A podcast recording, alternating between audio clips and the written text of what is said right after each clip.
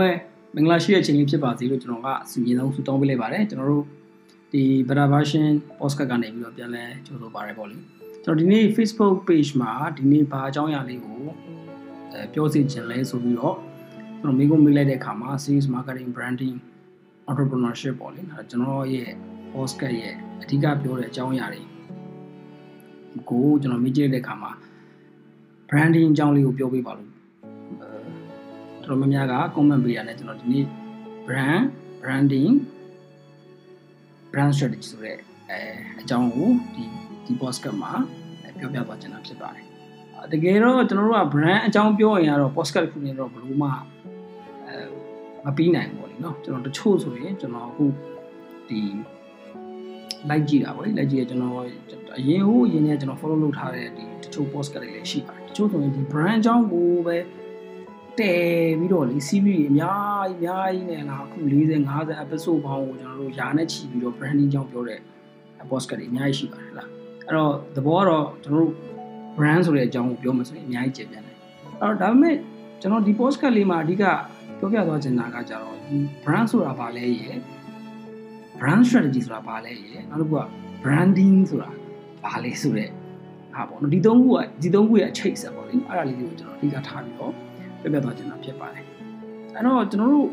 ဒီအကြောင်းအရာတွေကျွန်တော်မပြောခင်မှာကျွန်တော်တို့ branding ဒီဘာဖြစ်လို့အရေးကြီးလဲပေါ့နော် brand တစ်ခုတိဆောက်ရခြင်းဒီဘာကြောင့်မလို့အရေးကြီးလဲဆိုရင်ကျွန်တော်အဓိကအကြောင်းကျွန်တော်သုံးခုပြောချင်ပါတယ်ပထမတစ်ခုကတော့ကျွန်တော်တို့က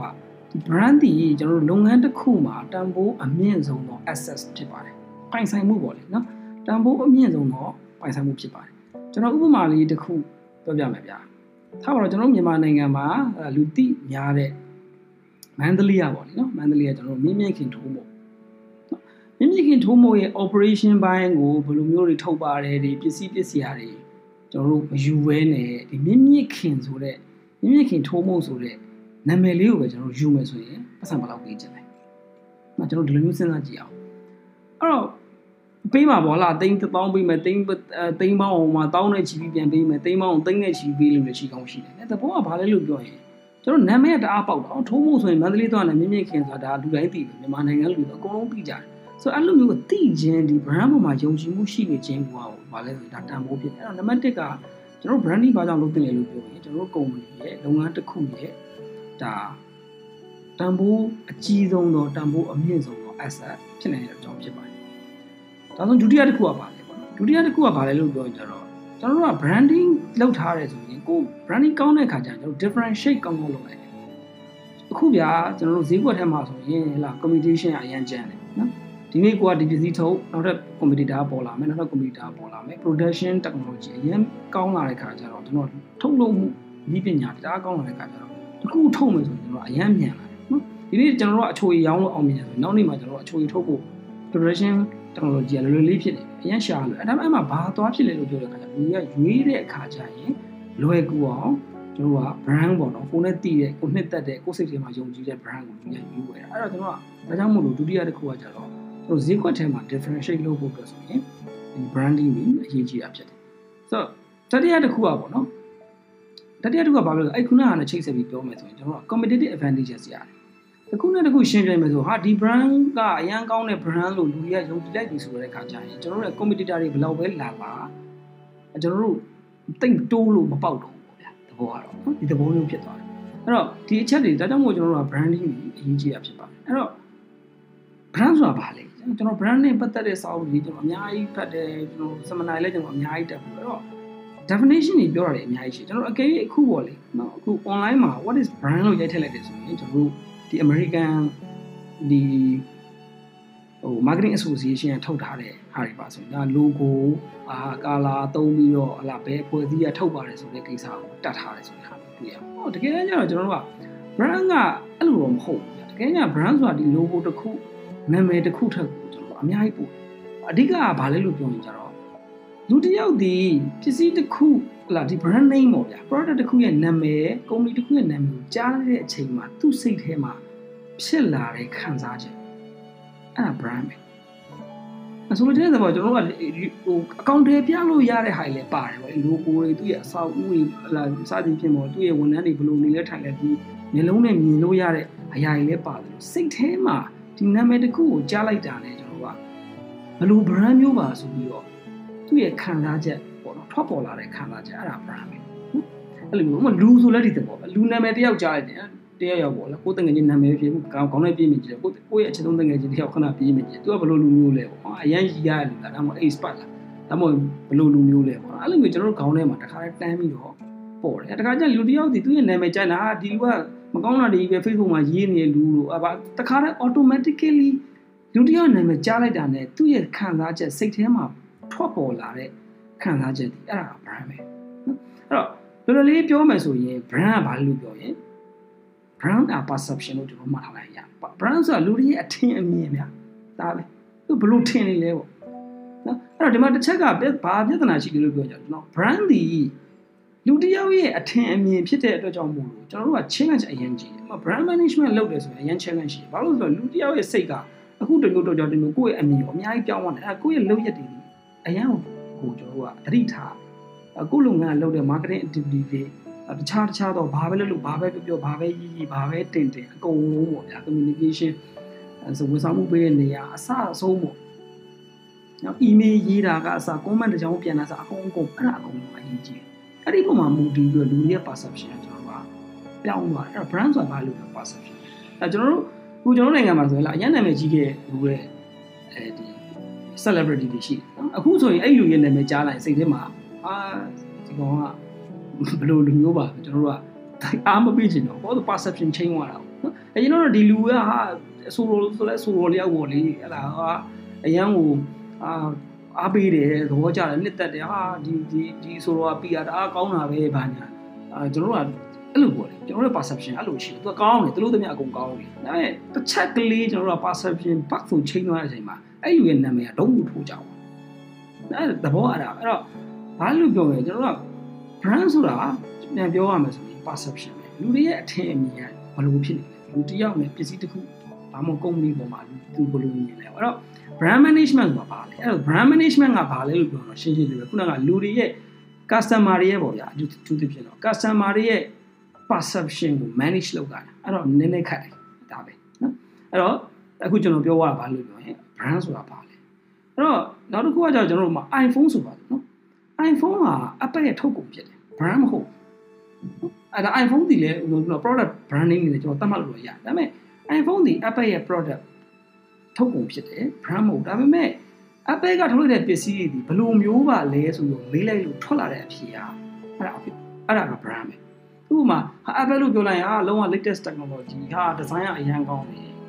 အစသည်ကလူတွေစိတ်ထဲမှာအလုံးဝ luxury brand အကန်ရတာဂုဏ်သိက္ခာရှိတယ်သူ့ရဲ့ခန္ဓာချက်ဘယ်လိုဖြစ်လဲ ပေါ့အဲ့ဒီဒီသဘောမျိုးပေါ့နောက်တစ်ခုကျွန်တော်တစ်ခါကျန်စဉ်းစားမှာကဘာလဲလို့ပြောရင်အပေးဒီလူတယောက်ဆိုရင်ဘယ်လိုလူမျိုးဖြစ်မလဲဥပမာကျွန်တော်တို့ကစာပေးလုပ်ချင်တယ်ဆိုတော့နော်ကို brand လူတွေဘယ်လိုမြင်နေလဲဆိုကျွန်တော်တို့က main တစ်ခုမေးမေးကြည့်လို့ရတယ်တကယ်ပြခင်ဗျာကျွန်တော်ကျွန်တော်တို့ပကံကျွန်တော်တို့ brand ဒီလူတယောက်သာဖြစ်နေမယ်ဆိုဘယ်လိုလူမျိုးလို့ပြောကြလဲဟာသူကပြောမှာဟာအရင် fan နေဖြစ်တယ်ဟာကျွန်တော်ထားပါတော့ Facebook page ဖွင့်လာပြီးတော့ကျွန်တော်စာတွေရေးမယ်ပုံတွေတင်မယ်ဓာတ်ပုံတွေလုပ်မယ်ဗီဒီယိုတွေတင်မယ်စသည်ဖြင့်ပေါ့လုပ်တဲ့အခါမှာ ဒီလိုကျွန်တော်တို့သွားမိတယ်။ Okay ရွှေကျွန်တော်ကျွန်တော်တို့ဒီ page ကိုဘယ်လိုထင်လဲ။ဒီ page ဒီလူတယောက်တာဖြစ်ခဲ့မယ်ဆိုဘယ်လို page မျိုးဖြစ်မလဲ။အာဒီလူကအရန်ကြီးရတယ်။အာဒီဒီလူကအရန်ပျော်တတ်တယ်။ဒါမှမဟုတ်ဒီလူကဆရာကြီး။ဟာဒီလူကအပူသေး။ဘာလို့ဆိုပောက်ကွက်ရတယ်ပဲသိရမလား။ online မှာရှောက်ကြီး။အဲ့လိုလိုမျိုးပေါ့ဗျာ။တဘောကဘာလို့ဆိုရင်ကိုယ့်ရဲ့ brand ဒီလူတယောက်တာဆိုရင်ဘယ်လိုမျိုးဖြစ်မလဲ။ဘယ်လိုမြင်တယ်လဲဆိုရတယ်ကျွန်တော်ကမေးကြည့်လို့ရတယ်နော်။အဲ့ဒါ brand အဲ့တော့ brand strategy ဆိုတာကျတော့ဘာလဲအဲ့တော့ brand strategy ဆိုတဲ့အခါကျတော့ကျွန်တော်တို့ကလုပ်ငန်းတစ်ခုကိုတည်ဆောက်တဲ့အခါမှာဆိုလိုချင်တဲ့သဘောကကျွန်တော်တို့ပဲဒီဈေးကွက်ထဲမှာရှိနေမှာမဟုတ်နော်တခြားတခြားသောဟိုပြိုင်ဘက်တွေအများကြီးပဲရှိတယ်တခြားတခြားသောကျွန်တော်ပြိုင်ဘက်တွေအများကြီးပဲရှိတယ်အများကြီးပဲရှိတဲ့အခါကျတော့ကိုဒီဒီ competitor တွေနဲ့နှိုင်းရှင်လာတဲ့အခါမှာကိုဒီဘလို့ပုံစံမျိုးနဲ့ကွဲထွက်နေတယ်ဟုတ်လားဘလို့ခံစားချက်မျိုးနဲ့သူတို့ဒီ ကိုယ့်စီကိုလာသင့်တယ်ဆိုတဲ့ဟာမျိုးကျွန်တော်ကကွဲပြားအောင်စဉ်းစားတယ်အဲ့ဒီနေရာမှာကျွန်တော်တို့အများကြီးပါတယ်ဟိုမှာဟိုကိုယ့်ရဲ့ positioning ကဘာဖြစ်မလဲပေါ့နော်ကိုယ့်ရဲ့တုံးစော voice ကဘာဖြစ်မလဲပေါ့ကိုယ့်ရဲ့ tagline ကဘာဖြစ်မလဲပေါ့ကိုယ့်လုပ်ငန်းရဲ့ vision ကဘာဖြစ်အဲ့ဒီပုံမှာအားလုံးအခြေခံပြီးကျွန်တော်ကစဉ်းစားပြီးတော့ငါတို့ကတော့ဒီဈေးကွက်ထဲမှာဒီလိုပုံစံမျိုးနဲ့အမြင်ခံချင်တယ်ဥပမာထားပါတော့ကျွန်တော်ပစ္စည်းတစ်ခုကိုနိုင်ငံခြားသွင်းလာမယ်ဒါမှမဟုတ်ကိုယ်တိုင်ထုတ်မယ်ဗျာနော်နိုင်ငံသွင်းဆိုရင် तू သူ့ဟာကိုသူ့နောက်ကိုလိုက်နေအောင်အဲ့ ကိုယ့်ဘာသာကိုထုတ်အောင်အဲကျွန်တော်ပစ္စည်းတစ်ခုထုတ်မယ်လို့ကျွန်တော်စဉ်းစားတဲ့အခါကျရင်ကျွန်တော်ဘာစဉ်းစားလဲ okay ငါထုတ်မယ်ဒီပစ္စည်းဒီဒီပစ္စည်းဒီအခုငါရီမန်းထားတဲ့ဒီ target customer ရဲ့လူတွေရဲ့အမြင်ထဲမှာဘလို့ပုံစံမျိုးနဲ့တွဲဆက်ပြီးတော့မှတ်မိစေခြင်းလဲဘလို့လူမျိုးလို့အမြင်ခံစေခြင်းလဲငါတို့ရဲ့ brand ကို luxury လို့မြင်စေခြင်းလားငါတို့ရဲ့ brand ကို low price နဲ့တွားစေခြင်းလားငါတို့ငါတို့ရဲ့ brand ကို friendly လို့မြင်စေခြင်းလားစသဖြင့်ကျွန်တော်တို့က decision ချပြီးတော့ ဟလာစဉ်းစားတာကိုဒီဈေးကွက်ထဲမှာထိုးဖောက်ဖို့စဉ်းစားတာကိုကျွန်တော်ကဒါ brand strategy လို့ပြောလို့ကိုလည်းမှတ်လို့ရမှာဖြစ်တယ်နော်အဲ့တော့ဒါဆိုရင် brand ဒီ branding ဆိုတာဘာလဲပေါ့ branding ဆိုတာကတော့အရှိကဟာတွေကိုကျွန်တော်တို့ကစဉ်ဆက်မပြတ်ကိုယူလိုက်မယ်လား brand strategy စဉ်းစားတဲ့အခါမှာငါတို့ကတော့ငါတို့ရဲ့ပစ္စည်းကိုလုံးဝ expert ဟလာလုံးဝ luxury ပေါ့ဗျာ luxury ပစ္စည်းတွေငါတို့မြင်စေချင်တယ်ဆိုရင် ကျွန်တော်တို့ကအနောက်မှာ branding ကကျတော့ activity တွေကျွန်တော်ထုတ်တဲ့ product ကအစလုံးဝ luxury ပုံစံမျိုး packaging တွေ pricing တွေကအစလုံးဝဈေးတွေကြီးကြီးယူထားမယ်ဒါ promotion ဆိုလဲလုံးဝတာမန် Facebook ထက်ကိုတကယ် billboard ထောင်တာတို့တကယ် customer တွေလုံးဝ luxury ဆိုပြီးတော့မြင်သွားလောက်အောင်လုပ်မဲ့ပုံစံမျိုးတွေဟလာကျွန်တော်တို့ brand ရဲ့ personality နဲ့ကိုက်မဲ့ celebrity တွေနဲ့ချိတ်ဆက်ပြီးတော့ကြော်ညာမယ်အစသည်ဖြစ်ပေါ့ဗျာအမှရောင်းတာအစဟလာလူတိုင်းဝယ်လို့ရနေတဲ့ပုံစံမျိုးမဟုတ်ဘူးတကယ် boutique ဆိုင်လေးတွေမှာပဲရောင်းမယ်စသဖြင့်အဲ့လိုမျိုးကျွန်တော်တို့ရဲ့ marketing program တစ်ခုလုံးကိုကိုမြင်စေခြင်းနဲ့ပုံစံမျိုးဟလာကိုကိုယူထားတဲ့ position နဲ့ကိုက်ညီတဲ့ပုံစံမျိုးဖြစ်လာအောင်ကျွန်တော်လုပ်တာအောင်ဒါဒါဘာခေါ်လဲလို့ပြောရင် branding လို့လို့ကျွန်တော်တို့ကသတ်မှတ်တာဖြစ်တယ်အဲ့တော့ပြန်ပြီးတော့ချုံးရရင်အချုံပြန်ပြောပြပြီပေါ့နော်ပြီးရင်ဘာဘယ်လိုလေးတွေကိုလုပ်ငန်းနဲ့ပတ်သက်ဘာလဲလေးတွေစဉ်းစားတယ်လဲဆိုတော့လည်းကျွန်တော်ပြောရအောင် အဲ့တော့ brand ဆိုတာဘာလို့ပြော brand ဆိုတာလူတစ်ယောက်ကသူသဖြင့် customer တွေကပေါ့ဗျာကျွန်တော်တို့ target customer တွေကကျွန်တော်တို့ရဲ့ product ကိုဘယ်လိုမြင်နေတယ်လဲဆိုတာအဲ့ဒါ brand ပဲဒုတိယတစ်ခုကျွန်တော်တို့ brand strategy ဆိုတာကကြတော့ဈေးကွက်ထဲမှာပြိုင်ဘက်တွေနဲ့ရှင်ပြီးတော့ငါတို့ကတော့ဘယ်ဈေးကွက်ကိုသွားမယ်ဈေးကွက်သုံးသက်ချက်ကိုမပြီးတော့ဘယ်ဈေးကွက်ကိုဝင်မယ်ဘယ်အဲ့ဈေးကွက်ထဲမှာတော့ငါတို့ရဲ့ငါတို့ရဲ့ brand ကိုတော့လူတွေဒီဘယ်လိုမျိုးမြင်လာမယ်ဆိုတဲ့ပုံစံမျိုးစဉ်းစားတဲ့အဲ့ဒါ brand strategy brand management ဆိုတာကကျွန်တော်ခုနကစဉ်းစားရတဲ့ဟာတွေကို customer တွေတကယ်ယုံကြည်လာအောင် customer တွေတကယ်အဲ့ဒီအတိုင်းကိုချမှတ်ထားတဲ့ position တွေတိုင်းလက်ခံလာအောင်လုပ်တာအမှန်တမျှကိုကျွန်တော်တို့က branding activity လို့ကျွန်တော်တို့ကမှတ်လို့ရမှာဖြစ်ပါတယ်အဲ့တော့ပြန်ပြောမှဆိုရင်နံပါတ်1เนาะကျွန်တော်တို့ brand မှာ brand magic ပေါ့လေနော် brand magic တော့မော်ဝင်နေပေါ့ဗျာမော်ဝင်တဲ့အမှတ်တစိတ်ပေါ့မော်ဝင်တဲ့အမှတ်တစိတ်တစ်ခုဖြစ်ဖို့အတွက်ဆိုရင်ကျွန်တော်တို့စဉ်းစားလို့ရတဲ့အချက်လေးတွေ ရှိတယ်နော်ပါဟိုပါမှာစဉ်းစားလို့ရတယ်ဆိုတော့ကိုပါဟိုပါမှာနံပါတ်1ကဘာလို့ပြော personality personality personality ဆိုတာကကြတော့ကိုယ့်ရဲ့ customer ဒီကိုယ့် brand ကိုလူသားဆိုရင်ဘယ်လိုဘယ်လိုလူမျိုးလဲဥပမာထားပါတော့ကျွန်တော်တို့အဲ Omega Watch ဆိုရင်ဟာလာ James Bond တို့ဘာလို့တွေ့ကြအာဒီ Omega Watch Omega နိုင်ပေါ့ဗျာကိုလိုက်တယ်ဆိုရင်အာသူဒီလုံးဝ James Bond လိုထက်မြက်ပဲလူပေါ့ဗျာအဲ့လိုမျိုးပေါ့ အဲ့လိုမျိုးသူ့ကိုထင်လာမယ်ပေါ့အာတဘောကနံပါတ်ခုန personalizer အဲ့ဒါ personalizer ကိုယ့် brand ဒီလူသားဆိုရင်ဘယ်လိုမျိုးမြင်သိချင်လဲအဲ့ဒီတစ်ချက်ကျွန်တော်စဉ်းစားအဲ့တော့အဲ့ပုံမှာမူတည်လို့ကျွန်တော်က tone of voice ကိုယ့်ရဲ့ brand message ကိုပေးတဲ့အခါမှာဘယ်လိုမျိုးပေးမှာလဲဆရာကြီးလေးတန်နဲ့ပေးမှာလားတငယ်ချင်းလိုလေးတန်နဲ့ပြောမှာလား funny လေးလုပ်ပြီးတော့သွားမှာလားစသဖြင့်အဲ့လိုမျိုးစဉ်းစားအောင်အဲ့နံပါတ်1စဉ်းစားမှာက brand magic ပေါ့နော်ပေါ်ဝင်တဲ့ brand ကိုတည်ဆောက်မယ်ဆိုရင်နံပါတ်1က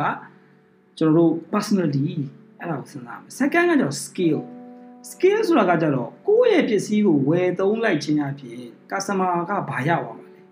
ကိုကိုယ့်ရဲ့ brand ရဲ့ ability တွေကဘာလဲကိုယ့် brand ကိုဝယ်လိုက်ခြင်းအပြင်ဘာရဥပမာထားပါတော့ကျွန်တော်တို့ Mercedes Mercedes ကရှင်းတယ် luxury brand ဈေးကြီးတယ်ဒါလူတိုင်းသိတယ်